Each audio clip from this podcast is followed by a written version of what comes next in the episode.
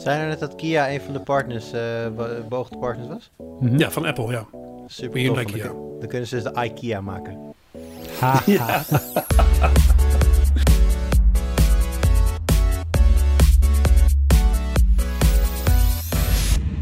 Hoi, leuk dat je luistert. Welkom bij een nieuwe aflevering van de Tweakers Podcast. Mijn naam is Wout en vandaag zit ik in de podcast met Jurian Ubachs. Hey, hallo. Met Arnaud Wokke. Hoi.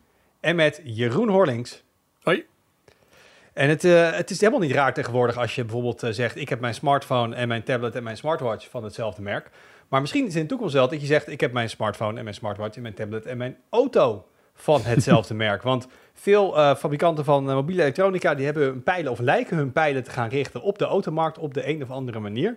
Uh, dus daar gaan we zo dieper op in. En op andere spelers die daar op azen. Maar eerst natuurlijk... Gaan we er diep Wat op zeg je? Gaan we, gaan we er diep, diep op, op in? Maar eerst hebben we de highlights, Jur. Waar jij ja, diep zal op ik, in zal gaan. Ja. Want diep kan ook wijzen op deepfake. Nee, laat ik, laten we even bij het begin beginnen. Afgelopen week kwam er het, het nieuwsbericht dat uh, Tweede Kamerleden een gesprek zouden hebben gehad met een, een deepfake van de stafchef van uh, Alexei Navalny, een Russische oppositieleider. Het zou dan gaan om een gesprek met Leonid Volkov. En na dat gesprek werd duidelijk in eerste instantie, of werd duidelijk, was de conclusie in eerste instantie dat het een deepfake van hem zou zijn geweest. Dus niet de persoon zelf, maar een, een, een, een ja, zeg het, een digitaal gefabriceerde versie. Nou, later kwamen er daar weer updates van naar buiten dat het wellicht een ander persoon zou zijn geweest die gewoon met make-up erg op, op Volkov leek. Maar er zijn weer andere ja, instanties, een Kamercommissie van de Baltische Staten en de Letse TV, die toch concluderen dat het een deepfake is. Het schijnt dat Volkov dat zelf ook heeft gezegd, maar goed. Waar, uh, vanaf hier is dat natuurlijk moeilijk om voor ons te bepalen of dat wel of niet zou zijn geweest. Maar het is voor mij meer de, uh, de diepere uh, betekenis van dit. Dat er dus, de diepere betekenis? Uh, sorry, deze deed ik daadwerkelijk per ik zweer het.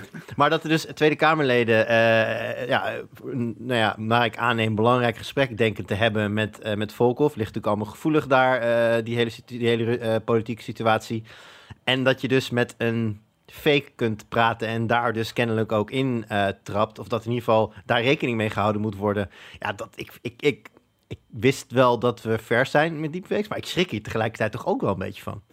Ja, ik was vooral heel verbaasd, want um, ik vind wel leuk. Er zijn wat mensen op wat kanalen op YouTube waar ik al zo dingen over deepfakes kijk. En die dan gaan dan uh, hele ingewikkelde dingen proberen te doen. En ik was in de veronderstelling, dat zag ik daar altijd, dat dat dan uh, systemen zijn, algoritmes, die dan uren en uren en uren aan het trainen zijn op een dataset, uh, waar nog heel veel aan getweakt moet worden en zo. Dus dat is, al, hè, dat is al krachtig en dan zie je dat ze hele, hele goede resultaten krijgen. Um, maar dit zou real-time zijn. En dat is, nou, dat is echt gewoon een compleet other Pandora's box die je dan gaat openen als je inderdaad iemand real-time kan, ja, zijn gezicht kan vervangen eigenlijk. Dus ik, aan de ene kant, ja, ze zeggen allemaal, hè, de betrokkenen, dit zijn echt deepfakes, deepfakes. Ik snap dan even niet hoe we komen van um, een paar uur moeten rekenen en renderen naar dit. Dus misschien is er wel een, een, een instantie die zoveel rekenkracht heeft en zulke goede programmeurs en zulke slimme nieuwe algoritmes dat ze dit voor elkaar krijgen. Aan de andere kant, dat lijkt natuurlijk wel een kwestie van tijd als gewoon rekenkracht toeneemt. Uh, dus we kunnen ons denk ik beter nu gaan voorbereiden op wat gaan we doen met het gegeven dat je misschien iemand tegenover je hebt uh, in een webcam die niet echt is. Uh, wat heb je ervoor nodig is eigenlijk de vraag misschien. Hè? Want als je nu naar je smartphone kijkt en wat die real-time al kan doen, is natuurlijk niet te vergelijken met een deepfake zoals in dit geval uh, gebeurd is. Maar dat, dat je real-time uh, masker op je ogen kan zijn of gezicht kunt, kunt wisselen met iemand die naast je staat. Dus er kan al heel veel. Alleen dat zie je meteen, want dat is niet perfect. Ja. En als je hier nou een of andere super, supercomputer achter hebt zitten die je kunt inzetten op de achtergrond. Ja, misschien dat dat gebeurd is. Ja, dan uh, maar zit er een nieuw wel, tijdperk. jij zegt wel, zie je meteen. Maar uh, met video-beeldverbindingen uh, zijn er ja, andere obstakels. Zoals bijvoorbeeld letterlijk nu. Wij zitten dit op te nemen via Riverside. Ik zie Arnoud en Wout mes scherp. Maar Jeroen, omdat Friesland toch wat verder weg is... zie ik jou ietsje blokkeriger dan, dan, dan de anderen. Dus ja, als, als, eh, op het moment dat de dingen bij jou zouden zijn veranderd, dan schrijf ik dat in dit geval heel snel weg van, uh, eh, ik zie dat compressie. Gek, ja. Precies, compressie, gekke blokjes onder zijn oor, het zal wel. Uh, ja. En dus gewoon met het blote oog denk ik dat je eigenlijk kansloos bent bij dit soort dingen, om, omdat je ook niet, uh, ja, er is niet één standaard kwaliteit waarin het altijd loopt. Alleen als je daar blind vanuit kan gaan, dan zou je inderdaad afwijkingen met het blote oog kunnen, kunnen spotten en dan denk je van, hé, hey, dat is raar, want het is altijd op dit niveau, maar dat is niet zo.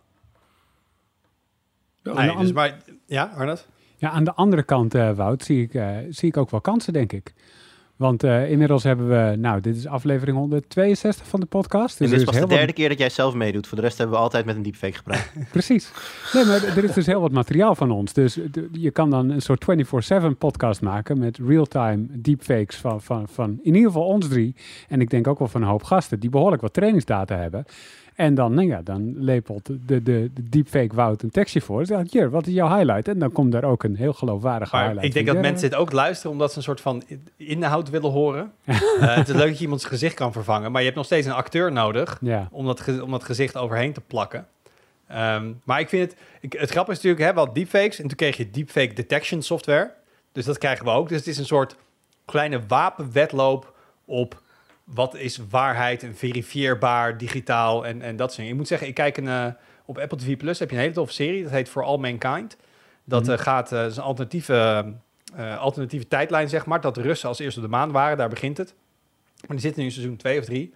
Ehm, en dan gaan dus dingen gebeuren die nooit gebeurd zijn. Maar ze moeten wel historische mensen daarin mee laten spelen. Dus wat zij bijvoorbeeld hebben, is dat ze ehm, Ronald Reagan, die komt redelijk vaak terug. En hebben ze een stemacteur gebruikt die echt heel goed is.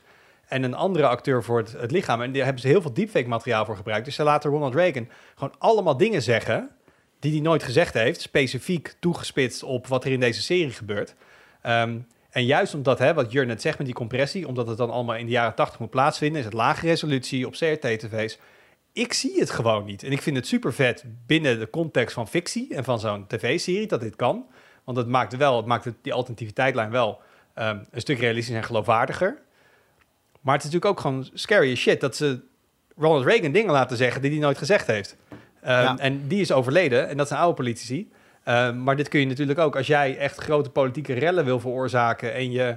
ehm, dat zie je ook natuurlijk met, met, met de- de Russen en, en, en Trump. En mis, misinformatie is al genoeg en chaos is al genoeg. Ja. Het, hoeft niet, het mag, kan best wel uitkomen dat het niet waar is achteraf als je maar even chaos op kunt stoken. Ja, en, En ook, dat kan je hiermee echt. vergeet, vergeet ook niet, nou, ik denk dat ik het zacht uitdruk als ik zeg dat we in een tijd van eh, laag vertrouwen in de politiek eh, leven. Of in ieder geval, daar, wordt, daar er is een hele mondige groep die zeer duidelijk maakt dat het vertrouwen momenteel laag is. Hoe breed gedragen dat is, dat weet ik dan niet. Maar ja, dit soort dingen kunnen voor hun natuurlijk gewoon heel makkelijk eh, olie zijn op het vuurtje dat ze toch al proberen aan te zetten. En ook hè, met alle dingen die er natuurlijk nu recentelijk uit de Tweede Kamer zijn gekomen. Als er nu een deepfake van Mark Rutte zou verschijnen waarin hij iets on, totaal eh, onacceptabel zegt over de, misschien de, de, de, de, eh, de slachtoffers van de toeslagenaffaire, dat soort dingen. En hij zegt, jongens, dit heb ik nooit gezegd. Dit is, maar, wij horen het u toch zeggen. En dan staat op een bandje of whatever. Ja, als, als politicus zijn, dus succes met die ontkenning. Want het is nou niet dat, dat die momenteel heel hoog staat qua krediet bij heel veel mensen waarschijnlijk. En waarschijnlijk, als ze dan kunnen bewijzen dat hij niet was, heb je nog waarschijnlijk mensen die zeggen: Ja, maar, Maar had ja. het ook gezegd kunnen hebben. Het Ja. het past bij hem, weet je wel. Dus Precies. eigenlijk veroordeel ik hem al voor, ook is het niet waar. Ja, Ja. Nee, het is, het, is, het is een heel eh, groot probleem. Ik denk overigens wel dat er een oplossing eh, bestaat. Die oplossing is al eh, gegeven door de Harry Potter filmreeks en boekenreeks. Daarin is natuurlijk shapeshifting en van gedaanteverwisseling een, een, een ding. En wat daar gebeurt als tovenaars elkaar tegenkomen, die stellen elkaar een persoonlijke vraag die ze alleen van elkaar kunnen weten. En op die manier identificeren ze volgens mij in een van de films vraagt de een aan de ander van welke spreuk gebruikte ik bij deze en deze battle tegen die en die tovenaar. En als het antwoord correct is, dan heb je de juiste vriend tegenover je. Dus misschien moeten we allemaal maar gewoon elkaar heel goed leren kennen. Zodat als je ooit vermoedt dat je met een faker aan het praten bent, dat je een hele goede eh, vraag kunt stellen. Zoals eh, wat mijn favoriete Disney, eh, Disney liedje is, dat soort dingen. Weet niemand. Nee. Totaal onbekend. Nee, Dat is wel een goede. nee, maar laten we het onderwerp even loslaten. Eh, en doorgaan naar Arnoud. Ja, ik, eh, ik eh, wil het hebben over een, een grote release in telefoonland, mag ik toch wel zeggen. Namelijk iOS 14.5. Die kwam eh, maandagavond uit, tot verrassing van niemand. Want het was al heel lang duidelijk dat die eraan zat te komen. En, en normaal zijn dat soort updates niet zo interessant. Maar dit kan daadwerkelijk, en dat vrezen ook veel bedrijven, dit kan een enorme impact hebben. Ehm, en dat komt door de anti-tracking pop-up die erin zit. En eh, die werkt als volgt. Als er een app is die jou eh, wil tracken over meerdere apps en websites heen, dan eh, krijg je een pop-up in beeld die zegt: hey, deze dienst die, die, wil jou, die wil jouw gegevens bijhouden. Wil je dat ook? En dan kun je dus kiezen voor, om, om, om dat toe te staan. Dat is een keuze. Of je kan ervoor kiezen om te zeggen: laat deze app weten dat ik niet getracked wil worden. En als je daarop drukt, nou ja, dan mag dat dus ook echt niet. Dat wordt ook uh, vanaf iOS 14 en hoger volgens mij enforced. Daarvoor was dat nog een beetje lastiger, dacht ik. En, um, en, en het gevolg is dus dat er minder gepersonaliseerde advertenties, dus niet minder advertenties, maar minder gepersonaliseerd, uh, uh, getoond kunnen worden. En nou ja, dat, dat bedrijven die afhankelijk zijn van advertenties, zoals Facebook bijvoorbeeld, die uh, zijn enorm bang dat daardoor de omzetten de komende tijd gigantisch gaan teruglopen. Want iPhones en iPads, dat is een gigantische markt. Um, en ja, uh, wat er daardoor zou gaan gebeuren, is dus dat, uh, dat ze minder geld binnenhalen. Zij zeggen op, op, op hun beurt, ja, dan komen dus, komt dus het midden- en kleinbedrijf in gevaar. Want die kunnen nu op een unieke manier hun publiek bereiken. Dat kan straks niet meer. dat is een argument dat Facebook gebruikt. Nou, ze kunnen mensen bereiken. Je kan minder specifiek gepinpoint bepaalde subgroepen van mensen bereiken. Maar je kan natuurlijk nog steeds met... Um, er zijn zoveel dingen waar je op kan targeten. Want als jij in jouw Facebook-profiel gewoon jouw woonplaats hebt ingevuld... en je hebt je leeftijd ingevuld en het feit dat je man bent... nou, dat is gewoon een marketeer die zegt... nou, dan zijn deze, deze en deze dingen relevant voor jou. Dan wil ik de lokale die en die en die winkel. Dus je kan, wat zeg maar noemen, op, op context uh, adverteren daar kun je echt heel ver mee komen. Natuurlijk, ik snap dat Facebook zegt dat hiermee de toko in de fik staat en dat het allemaal ten onder gaat. Maar dat is natuurlijk niet helemaal waar. Maar ontvingen jullie ook een, mailt, een mailtje van uh, Marktplaats bijvoorbeeld? Want die, kregen, die jaakte hier ook op in met eigenlijk exact deze vraag van... Let op, er komt een nieuwe versie van iOS. Um, alsjeblieft, stond er bijna letterlijk in volgens mij. Uh, accepteer dat, want zo niet, dan kunnen wij heel veel rubrieken niet meer gratis maken. Nou, daar zit voor een deel wel wat in natuurlijk, kan me voorstellen. Maar juist Marktplaats met rubrieken, als jij gewoon dus in de rubriek babywagens zit, dan hebben ze je, dan hoeven ze jou niet te tracken, maar ze zien wel gewoon, ja, dan kun je binnen die context van dat onderwerp, nou, dan ben je dus waarschijnlijk een jonge ouder. Um, uh, en weet je, dus dan, dan kun je al, dat, dat is, tuurlijk. Ja, contextual advertising kun je al. Ja, maar dit soort bedrijven is natuurlijk verwend geraakt met, met context tot een enorme diepgang en een enorm diep niveau. Maar je kan best wel zonder mensen te tracken, maar op basis van, kijk, en dan is de keuze of iemand inderdaad profielinformatie invult of niet. Um, maar sowieso op de plek al waar je bent. Ik bedoel, zo doen we dat heel simpel op, op tweakers ook. Als jij in de PriceWatch smartphones aan het bekijken bent, dan zullen daar waarschijnlijk banners omheen staan binnen de PriceWatch van smartphone adverteerders. Want smartphone, ja, dat is dan gewoon de koppeling. En dat, daar hoef je helemaal niemand voor te tracken. Um, dus ja, ik, ik, ik, ik, kan me voorstellen dat Facebook er wel Arnoud minder geld voor zou kunnen vragen eventueel. Mm -hmm. ja. Dat die adverteerders dat echt wel kunnen blijven doen, ook die lokale winkeltjes. Uh, maar dat ze dan zeggen, ja, maar het is minder fijnmazig, dus dan wil ik wel wat minder betalen. En dat, dat vinden ze natuurlijk niet leuk. Nee, ja, en hun bedoeling is natuurlijk, ik bedoel, ze verkopen advertenties, eh, niet alleen binnen Facebook, maar ook daarbuiten volgens mij. En dat geldt voor heel veel meer bedrijven. En die willen niet alleen binnen de eigen context, want wij hebben dan een mooie PriceWatch, uh, waar je kunt zien dat mensen op een smartphone zoeken. Nou ja, dan weet je dat ze daar interesse in hebben. Maar als die mensen op een andere site komen, dan weten die sites dat niet, tenzij je cross-site kan tracken. En dat is dus wat ze wel willen, want dan kunnen ze, uh, voor je zoekt, uh, dit, is een heel bekend voorbeeld nu, je hebt net schoenen gekocht op, uh, bij een of andere webwinkel en je wordt drie maanden lang achtervolgd met advertenties van die schoenen. dat is dan misschien niet heel erg goed gebruik van tracking, maar het toont wel aan dat het gaat wel heel vaak zo trouwens. Ja, Dat, waar je die schoenen koopt, die sluist dus die data op de ene manier door naar al die andere sites. Uh, die die advertentie ook laten zien, want anders had het niet gehoeven. Dus um, ja, wat dat betreft denk ik dat, uh, dat dit wel een ontwikkeling is die heel veel mensen toejuichen. Ik vind het ook wel, ik vind het ook wel fijn, zeg maar, dat dit erin zit. Al zat het er al in, hè. het zat al in de instellingen, kon je al apps vragen om niet te tracken. Alleen nu komt er echt een pop-up voor. Ik denk ook dat het het is ook deels natuurlijk heel erg bewustzijn. Zeg maar, elke keer, uh, of in ieder geval de eerste keer dat je nu zo'n app opent die dat doet, dan moet die, die toestemmingspop-up moeten staan. En uh, ja, ik denk dat er heel veel mensen van bewust maken dat, dit gebeurt. Het is een beetje de cookie-melding hè, die we al op websites kennen. Elke nieuwe site die je bezoekt, moet je eerst even op ja klikken of niet. Ja. Maar ja. Ik, ik vind, wat ik zeg, wat je zelf ik vind een hele goede zaak. En ik denk echt dat er genoeg toekomst zit in adverteren. En dat je dat ook echt niet met hagel hoeft te schieten. En dat je daar echt wel een bepaalde focus in kan aanbrengen met die context. Maar dat de advertentieindustrie gewoon een beetje hebberig is geworden. Ja. Um, en dat daar nu gewoon een soort corrigerende uh, ja, tik op uitgedeeld wordt op veel verschillende vlakken. Dat zien we met uh, third-party cookies in webbrowsers die eruit gaan. En dat zien we nu met dit soort zaken. En het voelt alsof het evenwicht weer een beetje langzaam hersteld gaat worden. En Hoe heel Android interessant. trouwens? Ja, precies. Ik wou net zeggen, over drie weken is Google I.O. Daar gaat eh, Google denk ik meer vertellen over Android 12, zijn we. Yes. Ehm, en, eh, en ja, de verwachting is wel dat daar wat van in zit. Alleen wat precies en hoe ze dat implementeren en of het op dezezelfde manier is. Want ja, Google heeft natuurlijk die, die, die, die spanning van aan de ene kant zijn ze een, een advertentiebedrijf, aan de andere kant willen ze dit denk ik wel ook gaan aanbieden op de een of andere manier. Ja, Dus daar zit echt wel- in een spagaat zitten zijn Ja. natuurlijk. Want je, je, ze zien waar de hele wereld naartoe gaat, waar de markt naartoe gaat. Je kan niet achterblijven. Nee. Maar het staat, het, bij Apple staat het niet haaks op hun eigen verdienmodel. Precies. Maar wat denk je? Ze gaan wel hier iets mee doen? Ik denk het wel, maar ik denk dat het wat, eh, wat minder strikt is en wat minder eh, in your face dan Apple dat doet. Want Apple kan echt all out met zo'n hele pop-up en zo. Ik denk dat het een instelling wordt in Android die je zelf moet aanzetten. Zoiets, denk ik. Nou ja, Maar en wat je nu ziet natuurlijk met browsers en met third-party tracking op het web, dat Google gaat zeggen, ah, het is allemaal slecht, dus doen cookies weg en we gaan gewoon intern tracken. Dus eigenlijk iedereen moet stoppen met tracken, behalve wij.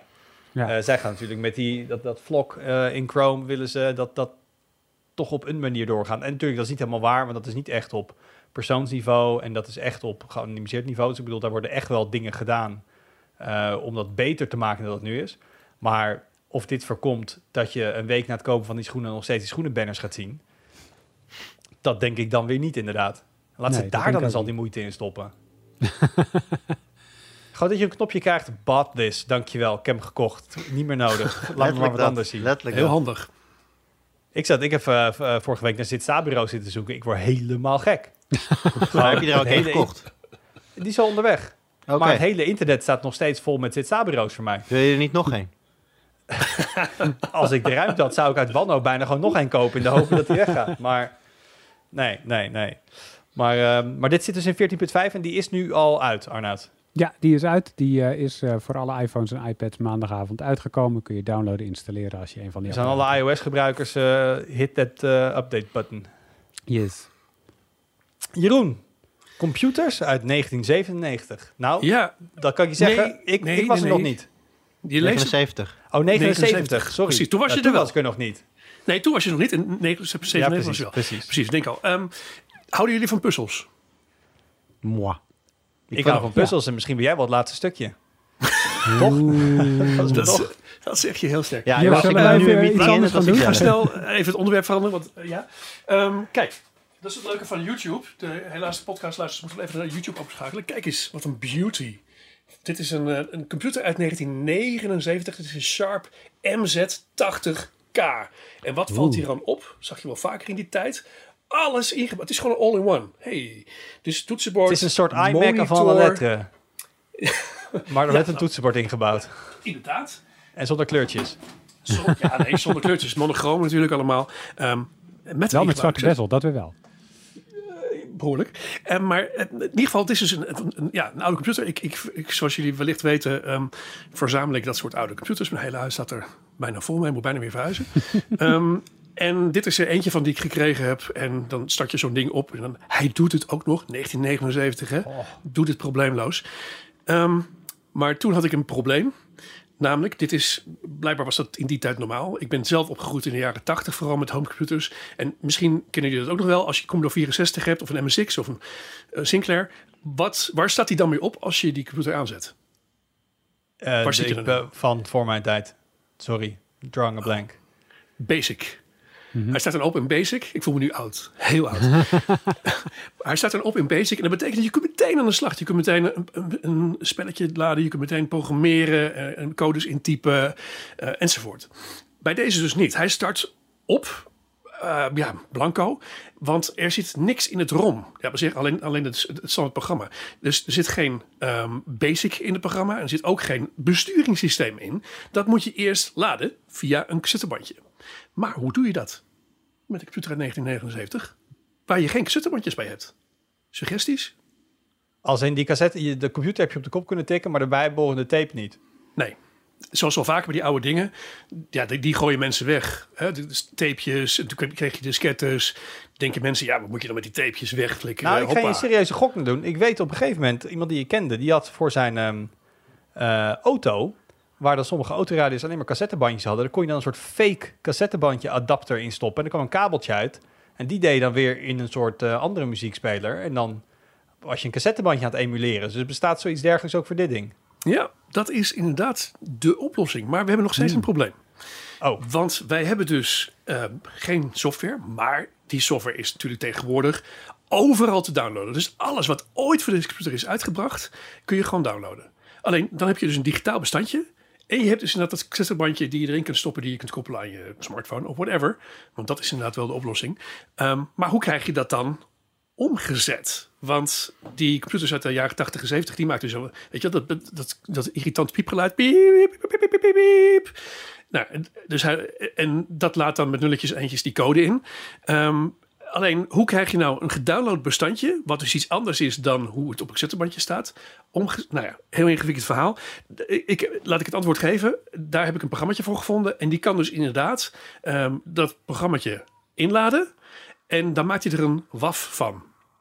Een audio oh nog als Ah. audio worden doorgestuurd. Precies. En dat doet hij echt op basis van het model wat je moet intypen. Want eh, welke baudrate, dat verschilt dus ook weer per model. Dus je kunt niet, je kunt niet zo'n willekeurig zitbandje erin stoppen dat hij dan wel gaat doen. Er bestaan ook opvolgers hiervan. Zitbandjes daarvan hierin doen helemaal niks. Want niet compatible. Echt handig.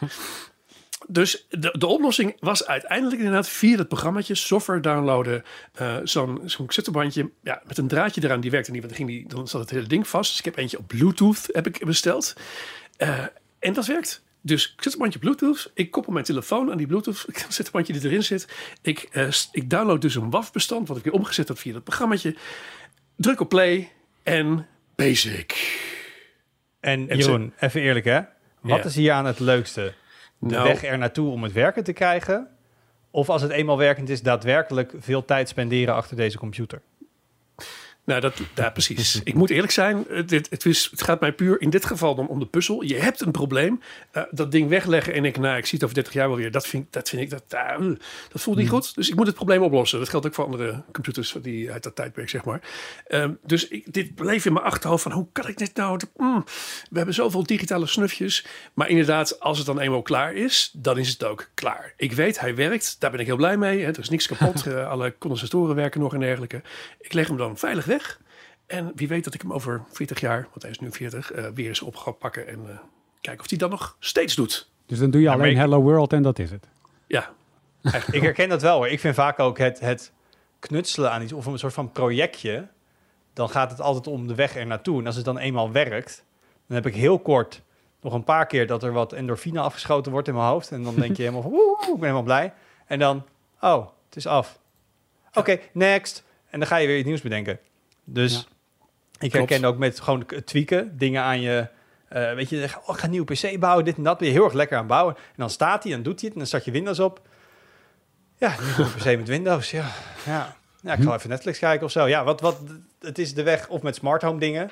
Dan ga ik dingen werkend maken. Ja, het- het- wat je wil is dat het zo goed werkt dat je er niet meer om hoeft kijken. Ja, dan werkt Klopt. het weer. Dus, Dus, dus, dan eh, kun je je lampen aansturen via een of andere fancy app. En uiteindelijk gebruik je alleen maar het lichtknopje. Nee, dat gaat natuurlijk allemaal op bewegingssensoren. Dus ik hoef Ah. helemaal niks te doen. Ah, Ja. Maar eh, gefeliciteerd Jeroen met het oplossen Ja. van de puzzel. dankjewel. Ik, ik wil jou in mijn volgende escape room team hebben. Ik merk het al. Je hebt helemaal de goede mindset hiervoor. Nou, ik had ook een, eh, een, een, een soort van puzzel. Nee, mijn, mijn highlight, eh, het is een high en een low. Eh, ik heb in één week, zeg maar, ehm, op twee verschillende manieren te maken gehad met eh, reparaties. En we hebben in het verleden deze podcast gehad over duurzaamheid en de right to repair. En het was zo diametraal tegenovergesteld van elkaar dat ik dat wel grappig vond om dat even gewoon anekdotisch te delen. Ehm, ik heb sinds het begin deze maand een, eh, een drone, een DJI Mini 2. Want de drone-regels zijn eh, weer wat versoepeld sinds 1 januari. En als ze minder dan 250 gram wegen, mag je er eigenlijk wel wat meer mee dan vroeger. Ook boven huizen en dat soort dingen. Nou, dus ik dacht, hè, de, de, de, de regels zijn wat versoepeld. Het is nu Europees helemaal gelijk getrokken. Dus als ik op vakantie ga in Europa, mag ik, weet ik wat ik mag. Dus ik was lekker met dat ding aan het vliegen. Ehm, ik had een tijdje niet met een drone gevlogen, dus op dag 4 heb ik hem gecrashed. Dat was niet zo handig. kwam een windvlaag. 249 gram is wat minder dan ik dacht. Dus iets windgevoeliger. Eh, kopte een takje. Takje kwam tussen de propellers. Ding ging naar beneden. Op zich, hij vloog nog. Eh, de camera deed nog. Alleen de gimbal housing was afgebroken. Dus hij eh, kon de camera niet meer bedienen. Ehm, dus ik heb ehm, eh, de fabrikant, en dat is allemaal niet is allemaal flauw om te zeggen, niet gesponsord. Ik heb hier niks voor betaald gekregen. Ze hebben gewoon goed werk geleverd. Uh, dus DJI gemaild. Zeggen ze, nou, hup, stuur zijn shipping label sowieso al. Vond ik al netjes. Nou, ik gooi het in de doos, stuur ik het op. Had ik voor mij twee dagen later, hadden ze allemaal foto's van gemaakt. Uh, van alle schade wat zij dachten dat de schade was. Uh, kreeg het in een dossier opgestuurd. Hadden ze precies alle onderdelen die ze gingen vervangen, plus de inkoopprijs. Dat is wat dan allemaal kost. Dat is echt geen rol. Dat maakt ook geen winst op. Uh, totaalbedrag kreeg meteen een ideal link. Kon betalen. Zelfde dag zijn ze gaan repareren. Kon op een gegeven moment ook zien welke testen die doorlopen had. We hebben een flight test gedaan. Hoe doet het weer? Nou, echt in drie dagen was die hele turnaround was dat ding gewoon gerepareerd. En daar was ik gewoon zo positief door verrast. Nou snap ik ook wel, als je een dronefabrikant bent, dan denk ik gewoon dat repareren van kapotte drones echt een groot deel van je businessmodel, in ieder geval gewoon van je, van je verantwoordelijkheid is. Um, omdat je bent geheid als dronebezitter, dat je denk ik de kans, het is het 1 op 3, 1 op 2 is dat je zo'n ding wel een keer crasht. Um, dus ik was gewoon heel tevreden met, um, uh, dus ik heb dat ding vliegt weer en zo. En ik denk, daar heb ik een heel goed gevoel aan overgehouden qua reparatie, duurzaamheid, kan ermee door. Daar staat tegenover, ik uh, kijk nu mijn Sony A7 III in, die, die ik als uh, webcam gebruik, want mijn Logitech Streamcam is stuk. dat is een webcam van Logitech, dus een nieuwste model. En ik was tegen de USB-kabel aangelopen en toen is de connector verbogen en toen deed hij het niet meer. Ik denk, ja, zonde. Uh, dus ik meer Logitech. Ik zeg, uh, wat kost dat om te repareren? Dus nou, wat is nou gebeurd? Ik uitleggen. Zeg ze, ja meneer, dat valt niet binnen de garantie. Ik zeg, nee, dat snap ik. Dus mijn domme fout, ik ben tegen die kabel aangelopen. Maar wat kost het om te repareren? Ja, dat doen we niet. Dus ik zeg, hè? Ja, maar ik wil je betalen om het te laten repareren. Nee, we hebben geen reparatieafdeling voor dingen buiten garantie. We gaan het niet voor je repareren. En ik zeg zo, hè, maar wat, ik heb hier een webcam die het gewoon doet voor de rest. Er is een verbogen connector. Ik wilde, ja, dat was duur. Ik wil hem graag blijven gebruiken. Uh, wat kan ik daar dan mee doen? Ja, uh, ga maar naar een, een, andere winkel of zo, een reparatiewinkel, een hobbyshop. Maar er werd gewoon de deur, zeg maar, virtueel in mijn gezicht dichtgegooid. Wow. Um, dus dat vond ik, ik vond dat gewoon verschrikkelijk raar. Dat je ze zegt, we gaan gewoon ons, ik weet dat het mijn schuld is, maar gewoon ook vanuit duurzaamheidsperspectief en zo, gewoon even een stekkertje eraan zetten. Uh, nou, wat nog best wel ingewikkeld is, denk ik. Maar dat ze dat. Um, ja, dat, dat, dat was gewoon niet onderdeel van de bedrijfsvoering om dat soort dingen überhaupt aan te nemen. Hm. Um, ja, je zegt het zelf ook al, Arnold. Wauw, ik, ik, ik, had, ik weet niet hoe normaal mensen dit vinden, maar ik vond het best wel raar eigenlijk. Ik vond het, ja, ik, het klinkt ook heel raar, ja. Ik zou denken dat dat. dat en als fabrikant zelf ben je vertrouwd voor degene die het heeft gekocht. In tegenstelling tot elke winkel om de hoek, waar je natuurlijk waarschijnlijk voor reparaties ook terecht kan. Dus je kan waarschijnlijk ook nog ietsjes meer vragen, zeker als je service levert. Dus daar, kan je best wel wat mee. En het is ook gewoon uh, goede dienstverlening om dat te doen. Je, wil ook dat, dat iemand de volgende keer weer dezelfde uh, producten van je koopt. Ja, dan is dat wel een, een goed ding om te blijven doen, lijkt me.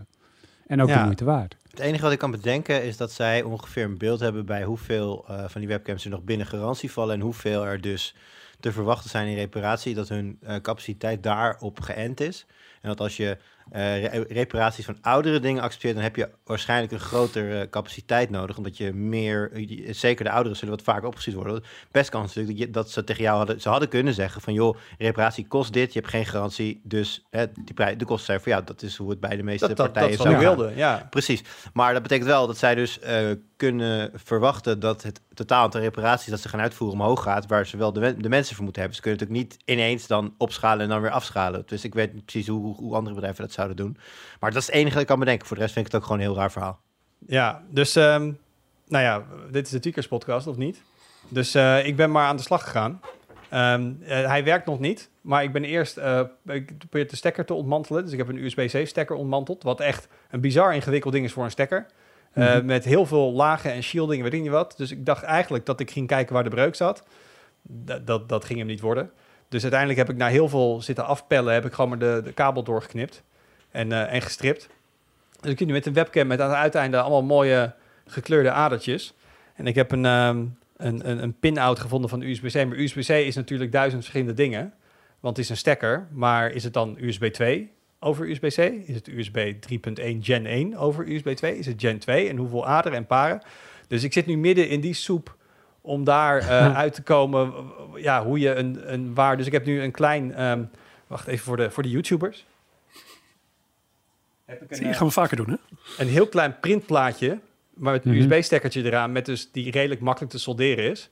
Um, oh, nice. Dus ik moet nu gaan uitvinden uh, welke kabel waar. Maar ik moest dan eigenlijk ook weer wat dingen kunnen doormeten. Dit is dan ook weer zo'n tweaker ding. En dacht ik, ja, ik heb thuis geen multimeter. Shit, dus wat doe je dan? Dan heb je een excuus om je eigen multimeter te kopen. dus ik heb eerst alle gear gekocht. Uh, en ik ga dit weekend maar eens kijken uh, met heel veel gegoogle en schematische dingen of ik hier een, uh, een werkende USB-stekker weer aan kan. Want ik, wil, ik weiger gewoon om iets weg te gooien. Ik kon, ik kon namelijk geen reparateur in de buurt hier vinden die hier ervaring mee had. Dus um, dit moet gewoon weer gaan werken. Dit leuk. is mijn, mijn right to repair. Ja, ik, leuk, maar ik dacht eerst van, oh, we gaan een paar draadjes solderen. Maar het is echt, ik heb nu al drie schematics gevonden die elkaar tegenspreken. Dan zegt ze, ja, ze hebben kleurcodes.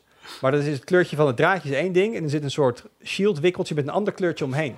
Dus het is ook echt een, uh, een cacophonie van, uh, van kleur. Dus uh, wordt vervolgd. Als ik, nou, als die werkt, dan ga je dat op de YouTube-versie van de podcast zien. Want dan ga ik een ander soort shot weer hebben.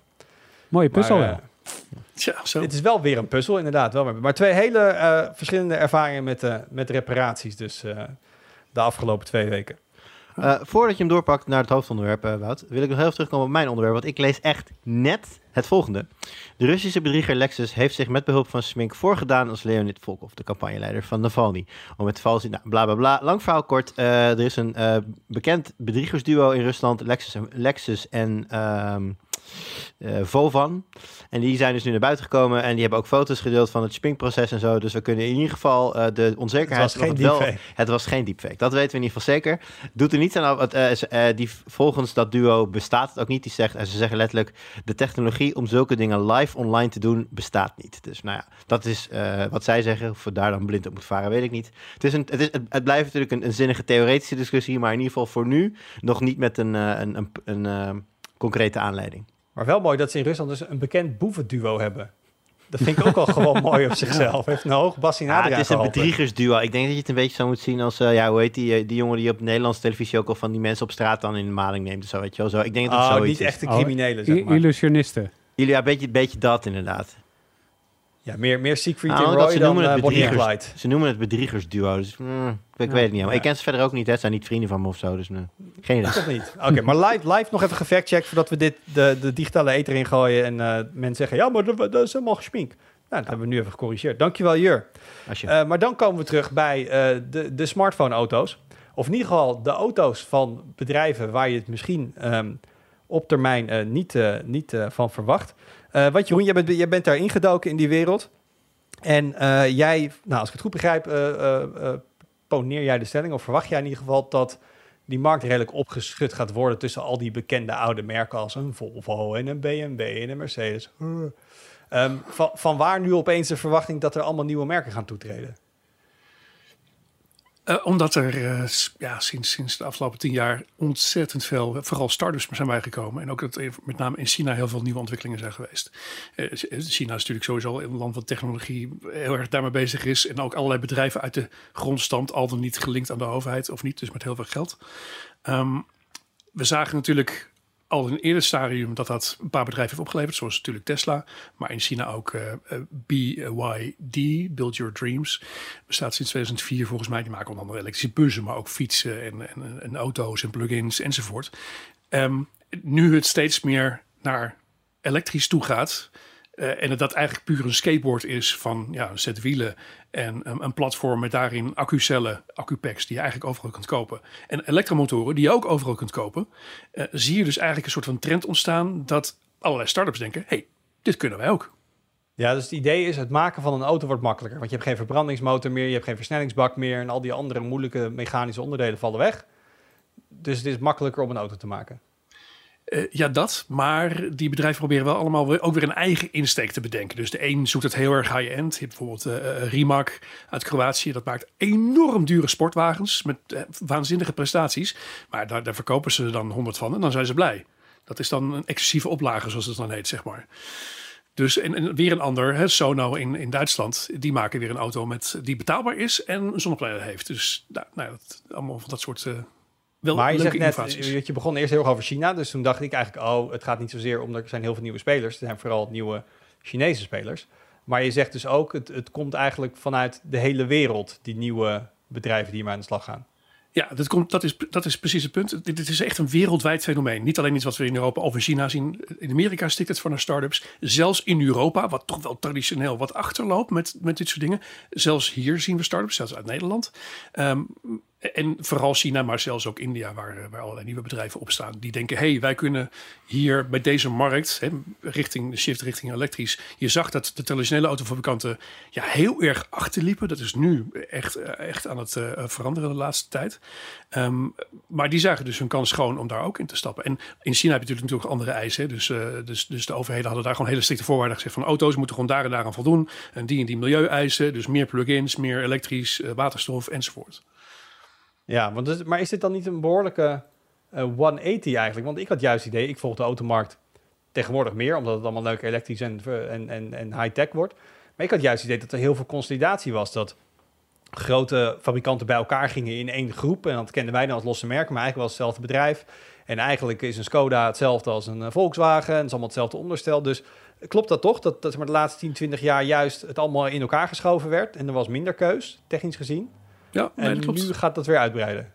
Nou ja, de Spesa en, en Fiat Chrysler die onlangs zijn samengevoegd. Uh, Stellantis is dat nu. Uh, dat soort dingen. Je ziet dat, dat zie je dus wel. Dat, die constellatie zie je dus dat heel erg gebeuren. Wat op zich ook wel logisch is, omdat je natuurlijk samen sterker bent. Een grotere partij waar anderen minder makkelijk omheen kunnen. Je kunt dus je hebt echt een inkoopvoordeel voor onderdelen. En zeker bij, uh, bij bijvoorbeeld accu's is dat een enorm groot strategisch voordeel inderdaad. Maar, maar los daarvan heb je dus nu overal uh, ook allerlei uh, start-ups die soms al jaren bestaan en die soms ook, uh, ook wat korter. Die denken, hey Europa, want dat is toch wel een unieke markt in die zin. Dat, dat is een markt waar wij ook willen gaan inspringen. Dus het blijft niet alleen bij China of bij Amerika, maar ook Europa staat op de radar. En dat is wel maar, echt nieuw. Hoe werkt dat dan? Hè? Want wij weten dan tegenwoordig zijn bijvoorbeeld smartphones, dat is zo'n... nou, slecht Nederlands, zo'n commodity geworden. Dat is zo technisch ook een beetje uitontwikkeld. Jij kan nu naar China gaan en kun je naar een ODM, zo'n Original Device Manufacturer, en zeggen, nou, ik wil graag uh, dit en dit en dit. Mijn eigen achterkantje erop, uh, oplagen uh, 100.000 stuks. Um, en dan hoef je eigenlijk zelf niet verschrikkelijk veel te weten over hoe je een smartphone maakt, omdat het een soort van bouwstenen zijn geworden. Is dat vergelijkbaar als je nu een, een als autofabrikant wil beginnen? Is het al zover dat het eigenlijk heel simpel is om een auto in elkaar te zetten? Of komt er nog echt wel zelf heel veel productie bij kijken? Nou, zover is het dus nog niet. Maar ik heb ook een aantal analisten gesproken. Uh, dit is wel een mogelijk scenario waar het heen gaat. Want je ziet ook dat de traditionele fotofabrikanten... Uh, die deden natuurlijk al heel veel met platformen. Maar ook daarbij zie je steeds meer dat dus uh, vijf merken... exact hetzelfde platform gaan gebruiken... en daar verschillende modellen op produceren. En dat wordt alleen maar meer en meer. Dus je krijgt enerzijds krijg je dus um, minder verschillende platformen... maar wel meer verschillende auto's op die platformen. En uh, het is dus nu nog niet zover, maar het is dus wel de verwachting, denken die analisten, dat dat over in x aantal jaren wel het geval zou zijn. Dus dan kan inderdaad een, een totaal nieuwe partij zeggen: hey, ik heb een idee, uh, geef mij even zo'n platform. Ik bouw zelf een ontwerp erbovenop. Uh, ik ga naar een andere partij die daar weer de, de andere dingen, de, de, airbags en dat soort standaard dingen die je nodig maar hebt. Dat is, ook geen, dat is ook geen sinecure, toch? Ik bedoel, je zegt van even, oké, okay, alsof het platform het belangrijkste is, maar als we even kijken naar, naar Tesla, hè, die is eigenlijk uh, niet, niet een traditionele autofabrikant. Die is dan heel goed in de aandrijflijn en het platform. Maar de echte autoliefhebbers, die spugen nog soms een klein beetje op Tesla. Want oh, moet je kijken, en de panelen sluiten niet helemaal mooi aan. En de isolatie is niet zo goed. En het leer is niet zo lekker. En de stoel is niet. Dus hetgeen wat een auto een auto maakt, wat je zegt, wat je bovenop dat skateboard plakt, dat is nog ook wel ja, een vak apart, om het zo maar te zeggen, om een, een goede koets te maken. Uh, en als ik het goed begrijp, zeg jij, moeten die bedrijven die nu nieuw willen instappen, dat moeten ze wel zelf gaan doen. Nou, dat kunnen ze ook uitbesteden. Maar dat, zover is het dus nog niet. Maar dat kunnen ze ter zijn tijd waarschijnlijk ook gaan uitbesteden. Dat je dus samenwerkt met een partij die daar al jaren ervaring mee heeft. En, en die dat gewoon voor jou, net als die smartphones eigenlijk, uh, kunnen maken. Maar die start-ups, die dus wel hun eigen ontwerp hebben, die, hebben dat, die zijn dus nog niet zo ver. En daarvoor is dat wel een probleem. En alleen al een dealernetwerk. Dus je koopt een auto, dat is één ding. Dat is ook knap, zonder, zonder dat je dealers hebt. Een uitdaging. Maar dat zien we wel een shift naar online, wat natuurlijk versterkt is door de coronacrisis. Dus dat wordt wel steeds meer normaal, ook voor auto's. Um, maar vervolgens heb je die auto. Ja, na vier jaar moet die toch echt een APK. Waar ga je dat aan doen? En, en als je een koplamp hebt die kapot is, hoe kom je dan, weer aan een nieuwe? En dat is dus voor iedere nieuwkomer op de Europese markt, ook voor gevestigde Chinese merken, is dat een uitdaging. Ja, en, en is daar het enige antwoord, je moet maar gewoon hetzelfde netwerk opbouwen als een traditionele autofabrikant? Of zijn er slimmere manieren om daar in de toekomst mee om te gaan? Ja, er zijn wel slimmere manieren. Want eh, Tesla heeft dus nu overal van die servercenters opgericht. Dus dat hebben ze allemaal zelf gedaan. Ehm, je ziet dat MG, die werkt met de... Dat is een, een oud Brits merk wat nu Chinees is. En er, zijn nu, er is nu één MG in Nederland, elektrisch, maar, eh, en een plug-in. Maar er komen nog meer aan. Die hebben nu met de Van Mossel Groep samenwerking gezocht. Dat is dus eh, dat is een bedrijf met 60 vestigingen, geloof ik, in Nederland. Dus dan ben je ook wel redelijk gedekt. We hebben iWays, Chinees merk. Dat gaat weer samenwerken met Profile Tire Center. Heel slim, denk ik. Dus dat zit ook overal. Op die manier kun je dus voor dat soort ja, benodigde service eh, dingetjes... kun je toch weer afspraak maken. Maar ieder merk voor zich moet dat dus weer zelf gaan doen, inderdaad, voor nu. Hey, Arnaud hier. Eh, ik weet dat Jur een auto heeft. Toch? Arnaud Ja, ook, ja. voor zover Mhm. ik weet. Het, het idee van een auto kopen van een start-up, is dat tof en exciting en oeh, oeh, shiny, nieuw, helemaal nieuw kijken op een auto? Of denk je van, ja hallo, die gasten weten niet waar ze mee bezig zijn. Ik koop lekker gewoon een degelijke Volvo of zo. Ik vind het doodeng. Eigenlijk. Ja, ik heb hetzelfde. Nou ja, doodeng valt op zich nog wel mee, maar dit is iets wat je doet. Ehm, bijvoorbeeld, ik denk als je zo ruim in je slappe was zit, je denkt, hè, leuk projectje voor mijn tweede auto bijvoorbeeld. Maar nou, al die dingen die net al aangehaald worden, van ja, oké, als ik straks stuk, als hij straks stuk is, en dan, eh, het zou wel, ik zou dan wel heel goed, een heel goed beeld willen hebben bij, eh, bij alle what-if scenario's die denkbaar zijn, eh, bij nou ja, alles wat met auto's te maken heeft, wat er stuk kan gaan, wat er kan gebeuren onderweg. En dat zou, dat zou ik voor mijn primaire auto toch wel te onaantrekkelijk vinden, denk ik, als dat niet, ja, als daar niet een heel betrouwbaar track record- record ligt. Ja, Ja, want je een zei auto- doodeng. Ja, je koopt een auto namelijk niet voor een jaartje. Althans, ik niet. Misschien zijn er mensen die dat wel doen. Eh, maar voor jaren. En zo'n start-up, ja, je hebt geen idee waar ze staan over vijf of tien jaar. Bedoel, ze zouden de marktleider kunnen aanvallen. Ze zouden ook kopje onder kunnen zijn gegaan. En ja, dan kan je naar de Profile Tire Center rijden wat je wil. Of met wie ze ook maar samenwerkten. Maar wellicht krijg je dan ook nul op het request. Ze maken de koplampjes niet meer en de onderdelen zijn er niet meer. En dan zit je. En dat vind, ik, dat vind ik eigenlijk best wel een ding. En dat scheelt natuurlijk ook. Dus niet alleen voor mezelf, maar op het moment dat ik hem weer zou willen doorverkopen aan iemand anders. En je moet erbij vertellen, ja, maar dit merk bestaat niet meer. Dus als die stuk gaat, dan moet je hopen dat ze ergens een onderdeeltje hebben. Eh, is natuurlijk ook niet echt een goed verhaal. Dus dat beïnvloedt die waarde dan ook weer die je ervoor terug kan krijgen. Eh, dus ja, om die redenen zou ik dat geloof ik niet zo heel snel doen. Ja, maar je wil niet in een soort Pebble scenario terechtkomen, zoals niet met je smartwatch. dat je er zes moet kopen, omdat ze niet meer gemaakt worden. Ja, Dat je eigenlijk een brick hebt. Nou, maar jij, jij nog, Jeroen, zelf? nou ja, ik, ben heb je dat- gecharmeerd van het idee of ben je gewoon zo pragmatisch om te denken, ja, er zitten zoveel haken en ogen aan? Ik ben er wel van gecharmeerd natuurlijk. Ja, precies. Ja, zeker. En tegelijkertijd, ik, want ik snap het exact hoor, wat, wat Arnett en Jur zeggen. Dat, dat is ook zo. Dat moet je maar afwachten. En het is dus een risico. Wat je eigenlijk niet wil lopen, dat je onderdelen nodig hebt die je niet meer kunt krijgen. Tegelijkertijd zien we wel dingen veranderen. Alleen al dat mensen nu, vooral het afgelopen jaar, maar nu nog steeds, uh, veel meer auto's online bestellen. Dus auto's die aangekondigd zijn. Je hebt er nog nooit in gereden. Je hebt hem sterker nog, je hebt hem nog nooit gezien. Maar je koopt hem wel. En het gaat echt om, om tienduizenden euro's. Dat is ook iets wat we denk ik een paar jaar geleden niet voor mogelijk hadden uh, Is dat, gezien, eh, is, dat, is dat een beetje een Tesla-shift? Want ik kan me zo voorstellen dat vrijwel elke Tesla-bestuurder... Nou, misschien ooit een keer heeft, een stukje heeft gereden in de auto van een bevriend iemand... maar zijn eigen auto natuurlijk nooit heeft kunnen test, eh, testrijden. Nee, dat goed. Maar goed, je, kunt- je kunt natuurlijk wel andere modellen eh, bij eh, in dit geval dan Ja. de, de- ja, niet de. Tesla dealer, maar de Tesla vestiging proefrijden. Maar dus dus dat, dat kon nog wel, of bij anderen. Maar ehm, hoe heet het? Eh, nou, Ford Mustang, eh eh, hè, Mac-E die dus laatst was, die iWays die ik net noemde. Dat zijn allemaal auto's die mensen gewoon van tevoren voorbesteld hebben. Het gaat echt om duizenden exemplaren. Terwijl ze dat, die dat ding nog nooit echt gezien hebben. En niemand. ja. Maar ik denk Dat- wel wat Jur zegt. Ik, ik, eh, ik denk wel dat dat deels waar is. Dat voor mij voorheen zou je dan misschien zeggen... ik ga naar de autodealer bij lokaal... en dan ga ik in een paar verschillende auto's rijden. En dan ga ik eens kijken wat ik fijn vind. En ik denk bij een, een Tesla is al zoveel een gadget geworden. Net zoals dat mensen zeggen... ik koop een nieuwe telefoon op basis van... ik ga er heel veel YouTube-filmpjes over kijken... en heel veel reviews lezen. En dan ga ik me oriënteren. En dan gaan die mensen niet per se nog in de winkel vasthouden... maar dan kopen ze gewoon die telefoon op basis van wat ze online geresearched hebben.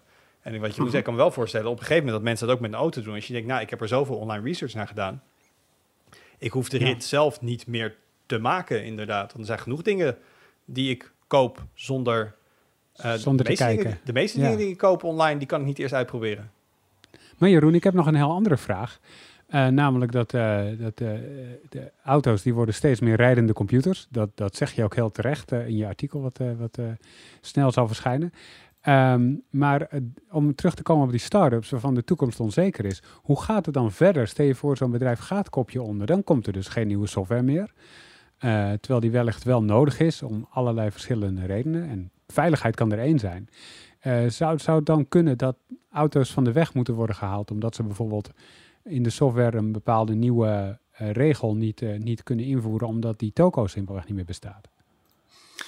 Ja, dat valt niet helemaal uit te sluiten inderdaad. Het is, dat, is, dat is het probleem. Als geen andere partij dat bedrijf overneemt, wat natuurlijk wel vaak gebeurt, Ja. ehm, met de bijbehorende verantwoordelijkheden.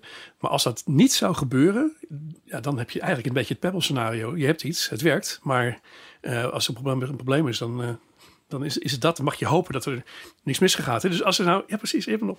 Eh, Als er nou, eh, kijk, het hoeft niet per se iets, altijd iets, eh, iets kapot te gaan natuurlijk. Maar ja, vroeg of laat in het leven van zo'n auto die misschien 20 jaar meegaat, is dan, dan gaat het er wel gebeuren natuurlijk. En hoe ga je hem dan nog verkopen? Dus in die zin, ja, dat valt niet uit te sluiten. En sterker nog, er zijn natuurlijk al een start, paar startups geweest die eh, heel hoog zijn opgekomen. Hè? Faraday Future, Byton, kennen jullie dat nog? Op de CES, een paar jaar geleden. Heel ik groot van de toren eh, ze geblazen. drie jaar achter elkaar gezien. Hij komt echt bijna uit, meneer. Nee, echt. Echt Precies. volgende maand gaan we de weg op. Nou, ze Zijn bestaan nog steeds. Maar nee, maar, maar ze, ze zijn vorig jaar echt enorm in de problemen gekomen. Ze hebben voor mij heel veel wer- werknemers in ieder geval eerst met verlof gestuurd. Daarna eh, een enorme reorganisatie en heel veel ontslagen gevallen. Het is soort van failliet, maar ook weer niet, want er zijn nieuwe investeerders aangetrokken. Maar het heeft, het heeft een jaar op pauze gestaan zo ongeveer. En er gaat weer iets gebeuren, begrijp ik. Maar eigenlijk hadden die auto's dus dit jaar op de markt moeten komen. En dat is niet gebeurd. En dat geldt voor meer partijen. Hè. De Sonos hier noemde ik al. Dus die Duitse start-up, betaalbaar autootje. eh, die zou ook al rondrijden. Eh, hij schijnt wel echt te komen nu. Dat eh, eh, crowdfunding heeft, heeft wel redelijk wat opgeleverd. Dus, maar goed, je weet het dus niet zeker. En als het niet zo is, is, is, je- is je geld weg. Of als zij inderdaad die auto hebben staan en daarna gaan ze failliet. Of stoppen ze ermee. Ja, dan moet Maar valt er dan iets te zeggen over wat dat zo moeilijk maakt? Want je zegt die Bytons, die hebben wel... Ik heb ze rond zien rijden op de CES. En dus ze hadden... Ja, misschien dat die met de hand in elkaar zijn gezet, maar ze hadden werkende auto's. Is het, zoals we bij Tesla zien, dat het eh, opschalen heel lastig is? Want dat zie je daar denk ik heel goed. Je kan zeg maar een prototype bouwen en dan wil je er opeens eh 100.000 per jaar maken. En dat dat toch wel een ander, een ander spelletje is? Of is het eh, crash testing en certificering? Is het regel? Wat, maakt het zo moeilijk? Want je gaat nu heel veel bedrijven krijgen die dit willen doen. Er gaan er maar een paar het redden. En, en wat, wat gaat zeg maar de reden zijn dat je tegen een muur loopt? Nou, precies. Daar zijn die bedrijven natuurlijk helemaal niet zo openhartig over. Dus exact weten we het niet. Ik weet dus wel dat Byton in 2020, mede door de coronacrisis, kregen ze ineens heel veel logistieke problemen. Dus allerlei onderdelen kwamen niet meer. Eh, dus die ze wel had in- hadden ingepland. Dus daarom heeft alles hold gestaan. Maar zeker denk ik ook dat het opschalen wel een probleem is. Want zij richten zich op een auto van, laten we zeggen, 45.000 euro. Ja, dat betekent wel massaproductie. Dat is die hele eh, die, die productiehel waar Tesla door gegaan is, waar ze bijna aan ten onder zijn gegaan. Dat is wel iets wat we echt in het achterhoofd moeten houden. De, de- van, een, van een paar luxe modellen, nou ja, 100.000 per jaar was het bij Tesla, bij de Model S en, is S en de X. Maar naar een Model 3, met in totaal bijna een half miljoen exemplaren per jaar, dat is echt eh, geen sinecure inderdaad. Dan ben je bijna En- een ander soort bedrijf aan het runnen. Precies, je bent een heel ander soort bedrijf met andere productielijnen, met andere eh, eh, supply chain en dergelijke. En in die zin zie je bijvoorbeeld, het Nederlandse, Nederlandse Lightyear hebben we nog niet eh, besproken. Ook zo'n start-up met de Lightyear One. Eh, ook dat moeten we natuurlijk nog allemaal gaan zien. Maar ehm, ja, die, die gaan niet voor niets deze eh, richting op eh, kiezen. Ze beginnen eerst met een heel excessief duur eh, model met een beperkte oplage. 150.000 euro kost die, worden er nog geen duizend gemaakt. Eh, nou, met die cashflow kunnen ze weer een goedkoper model ontwikkelen, is de bedoeling. Dat is wel, denk ik, de meest logische volgorde dan in één keer vanuit het niets naar massaproductie gaan, waarbij je honderdduizenden eh, auto's op de markt moet gaan brengen. Want stel je voor dat dat lukt, als het al lukt, en er zit een enorme bug in, en je moet ze allemaal terugroepen, dan ben je meteen faillietesbedrijf als start-up. Dat trek je niet. Terwijl hè, de gevestigde autofabrikanten hebben daar ook al moeite mee, maar die hebben nog natuurlijk eh, ja, toch wel heel wat meer eh, al op poten staan. Ja, ik, ik begon eh, dit, eh, dit eh, stukje met even die eh smartphonefabrikant aan te halen. Want nou, de geruchten over Apple die met een auto bezig is, dat gaat natuurlijk eens van alle tijden. Maar voor mij, Xiaomi heeft een paar miljard erin geïnvesteerd. Eh, We weten van hoe wij dus bezig zijn. LG. Van Sony zagen we op CES opeens een auto uit het nieuws. Oh ja, hier, hier is onze auto. Ehm, hoe, hoe verwacht jij dat deze fabrikanten dat zal afgaan? Die zijn natuurlijk al wat groter. Die hebben meerdere eh, productielijnen. Die maken producten in meerdere productcategorieën. Dus die, hebben, nou, die weten wel een klein beetje hoe dit spelletje gespeeld wordt. Zijn die, denk je, in een voordeel? Denk je dat we inderdaad over vijf tot tien jaar van al die merken auto hebben? Of verwacht je dat misschien één of twee dat gaat redden uiteindelijk? Ik denk eerder dat laatste inderdaad. Maar net het voordeel is wel dat zij hebben wel die naam. Hè, waar we net over hadden van zou je een nieuw merk, een start-up, zou die vertrouwen, zou dit kopen? Maar stel je voor die Sony auto komt er echt en je hebt ervaring met het merk Sony. Ik denk dat je dan veel eerder geneigd bent zo'n zo'n auto te kopen dan die van een, van een Faraday Future. Ja, ik zie, wat, ik zie wat hoofdjes op en neer, maar niet iedereen zit op YouTube. Dus Arnaud, Jur, is, is dat zo? Omdat je Sony kent als nou, Jur, eh, fabrikant van de Nou- PlayStation, geeft ze dat ook credits op als ze een auto uitbrengen? Nou ja, met de leeftijden van de PlayStation zie ik het voor me voor de reparaties momenteel. Maar eh, ehm, nee, maar eh, er wordt natuurlijk net gezegd, hè, een start-up kan natuurlijk ook over de kop gaan, binnen, misschien al wel binnen vijf jaar. Bij, eh, bij bedrijven als Apple, als Sony heb ik wel het idee dat er een heleboel zou moeten gebeuren. Wilden we die, willen die echt omvallen en dan ook blijvend omvallen. Dus ook Ja. niet meer terugkomen in een, in een doorgestarte vorm. eh, wat dan ook, waardoor die, hè, die, die tak uiteindelijk weer opgepikt kan worden en je toch gewoon vers- verzekerd bent van service. Al was het maar de software, want laten we wel wezen, moment dat je geen onderdelen meer krijgt voor je auto, dat is vervelend. Maar als de software van de auto niet meer wordt geüpdate, heb je nou ook weer een probleem eh anno nu. Ehm, ja, nee, dat zou zeker wel ietsje... Ik, denk, ik, ik, ik, ik zet, zet mijzelf nog steeds niet in de categorie... eh, ik ga dan eerder voor een Sony dan voor een eh, gekende, eh, gekend automerk. Maar het maakt de kans wel iets groter. Arnoud? Ja, zeker. Ja, want die vallen, die vallen inderdaad niet om. Ik had nog een andere vraag aan Jeroen. Want ehm, eh, van al die geruchten van Apple die we hebben gehoord afgelopen maanden, ging driekwart over met welke autofabrikanten zouden gaan samenwerken. En Apple is toch een bedrijf wat over het algemeen alles zoveel mogelijk in eigen hand houdt. Eh, ze maken nu eigen socks voor, eh, voor alles vanaf desktops tot aan, tot aan, tot aan horloges aan toe. Ehm, maar toch lijkt ze dit uit handen te willen geven. Waarom is dat zo? Waarom, waarom willen ze dit niet zelf produceren, denk je? Nou, ik vermoed wel eigenlijk net zo vergelijkbaar met eh, zoals we ook hun, hun eh, telefoons in China laten produceren. Omdat daar natuurlijk heel veel componenten vandaan komen. maar je ziet, ik, ik kan me voorstellen dat het toch voor een bedrijf als Apple ook weer met, met heel veel kapitaal, met heel veel expertise en vooral heel veel softwarekennis, dat het best wel een uitdaging is om vanuit het niets inderdaad eh, een auto op poot te zetten en die massaal te gaan produceren. Terwijl je dan eigenlijk net zo goed kunt samen gaan werken met een partij die dat al tientallen jaren doet en die je daarbij gewoon dus kan helpen. En ze hebben onder andere gesprekken gevoerd, eh, schijnt, met Hyundai, de Hyundai Kia groep. Eh, sterker nog, ze was al zover het gesprek, is het gerucht, dat ze met Kia dat ze een bepaald circuit hadden uitgekozen, een productiefaciliteit waar, waar het ook echt zou gebeuren. Het moest namelijk in Amerika gebeuren, was een van de voorwaarden. Maar het schijnt toch wel dat die gesprekken uiteindelijk ehm, op dit moment in ieder geval voor op niets zijn uitgelopen. En Apple is natuurlijk wel een bedrijf van de lange adem. Dus dit, dit, dit speelt al heel erg lang, dit project, de Pro- Project Titan. Dus voor hetzelfde geld duurt het nog veel langer. Alleen ze zouden ongeveer 2025 een beetje ehm, als doel hebben gesteld om, eh, om hier wat mee te gaan doen. Maar ik denk dus zelf dat ze dus dat in, wel met samenwerking met andere fabrikanten eh, zullen gaan doen. En wat doen al die, eh, die vertrouwde merken in de tussentijd? Want we zeggen net eigenlijk dat je als nieuwe speler in de automarkt misschien wel een beetje de wind tegen hebt. Ehm, dus, dus wat hebben zij dan te vrezen hiervan eigenlijk?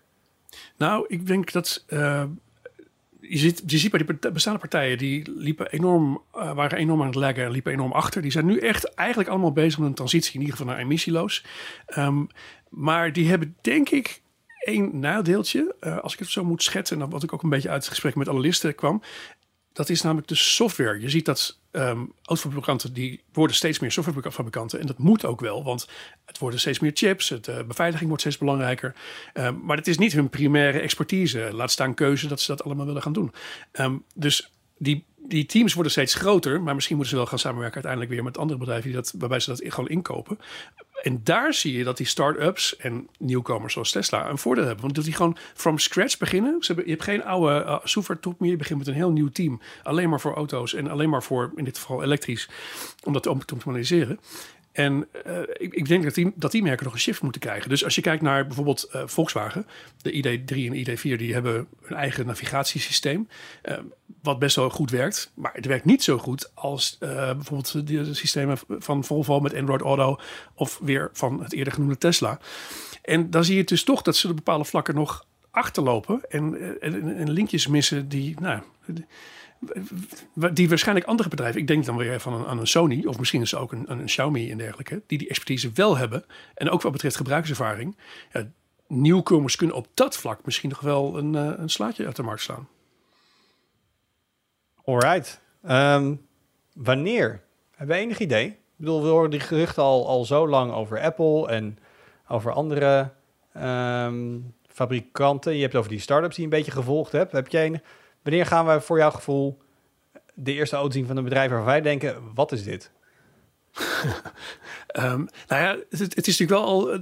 Het, loopt er voor een deel. Hè? Ja, het lastige is, we zitten met heel veel beloftes. Of die gewaargemaakt worden, is gewoon de vraag. Omdat er van alles gebeurd is, natuurlijk, uh, dit jaar en vorig jaar.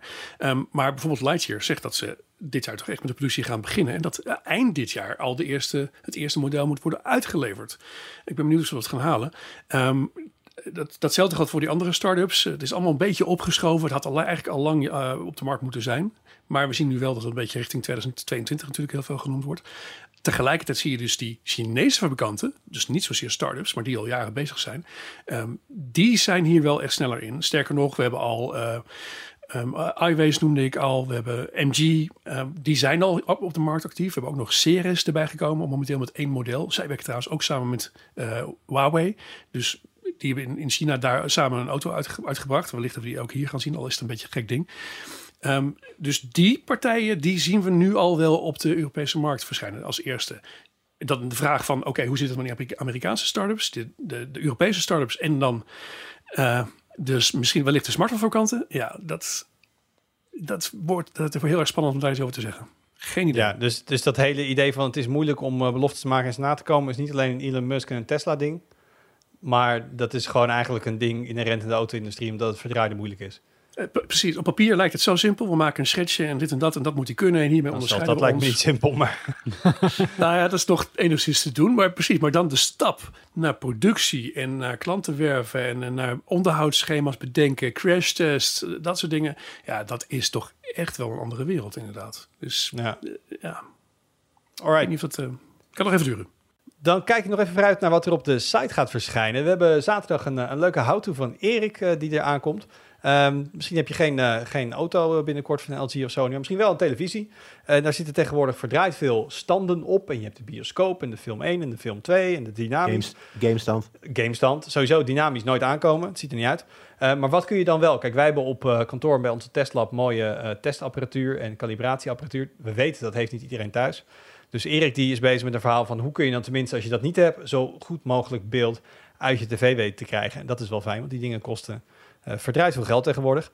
Uh, verder is uh, collega Paul druk bezig al een lange tijd met gaming headsets voor de next-gen consoles. Je kan ze misschien niet kopen. De exclusives zijn er nog niet. Maar zorg wel dat je headset alvast in huis hebt die er helemaal voor geoptimaliseerd is. Dus heeft hij er, er meerdere van, van getest. En ehm, er komt nog een stuk aan, Arnaud, over de Snellius supercomputer. Ja, collega Olaf die uh, is daarin gedoken. Uh, ik heb het ook nog niet gelezen, dus ik weet niet precies wat het inhoudt. Maar ik vind die stukken altijd super leuk om te lezen. En ik ben heel benieuwd wat, uh, wat deze weer kan. En wat hij doet en hoe snel hij precies is. En natuurlijk het stuk waar Jeroen voor in de automarkt was ingedoken. Want dat komt ook nog in artikelvorm online. Met een overzicht van, van alle namen en start-ups en merken die we wellicht gaan zien op de weg. Die je allemaal in de gaten moeten gaan houden en in je RSS-feed moet gaan gooien. Alright, dat, uh, dat is uh, vrijdag, dus dat is uh, morgen als je op de dag luistert wat de podcast uitkomt. Dankjewel jongens, dankjewel voor het luisteren. Heb je feedback, dat horen we heel graag. Kun je in de comments geven of via podcast.tweakers.net. En tot de volgende. Doei.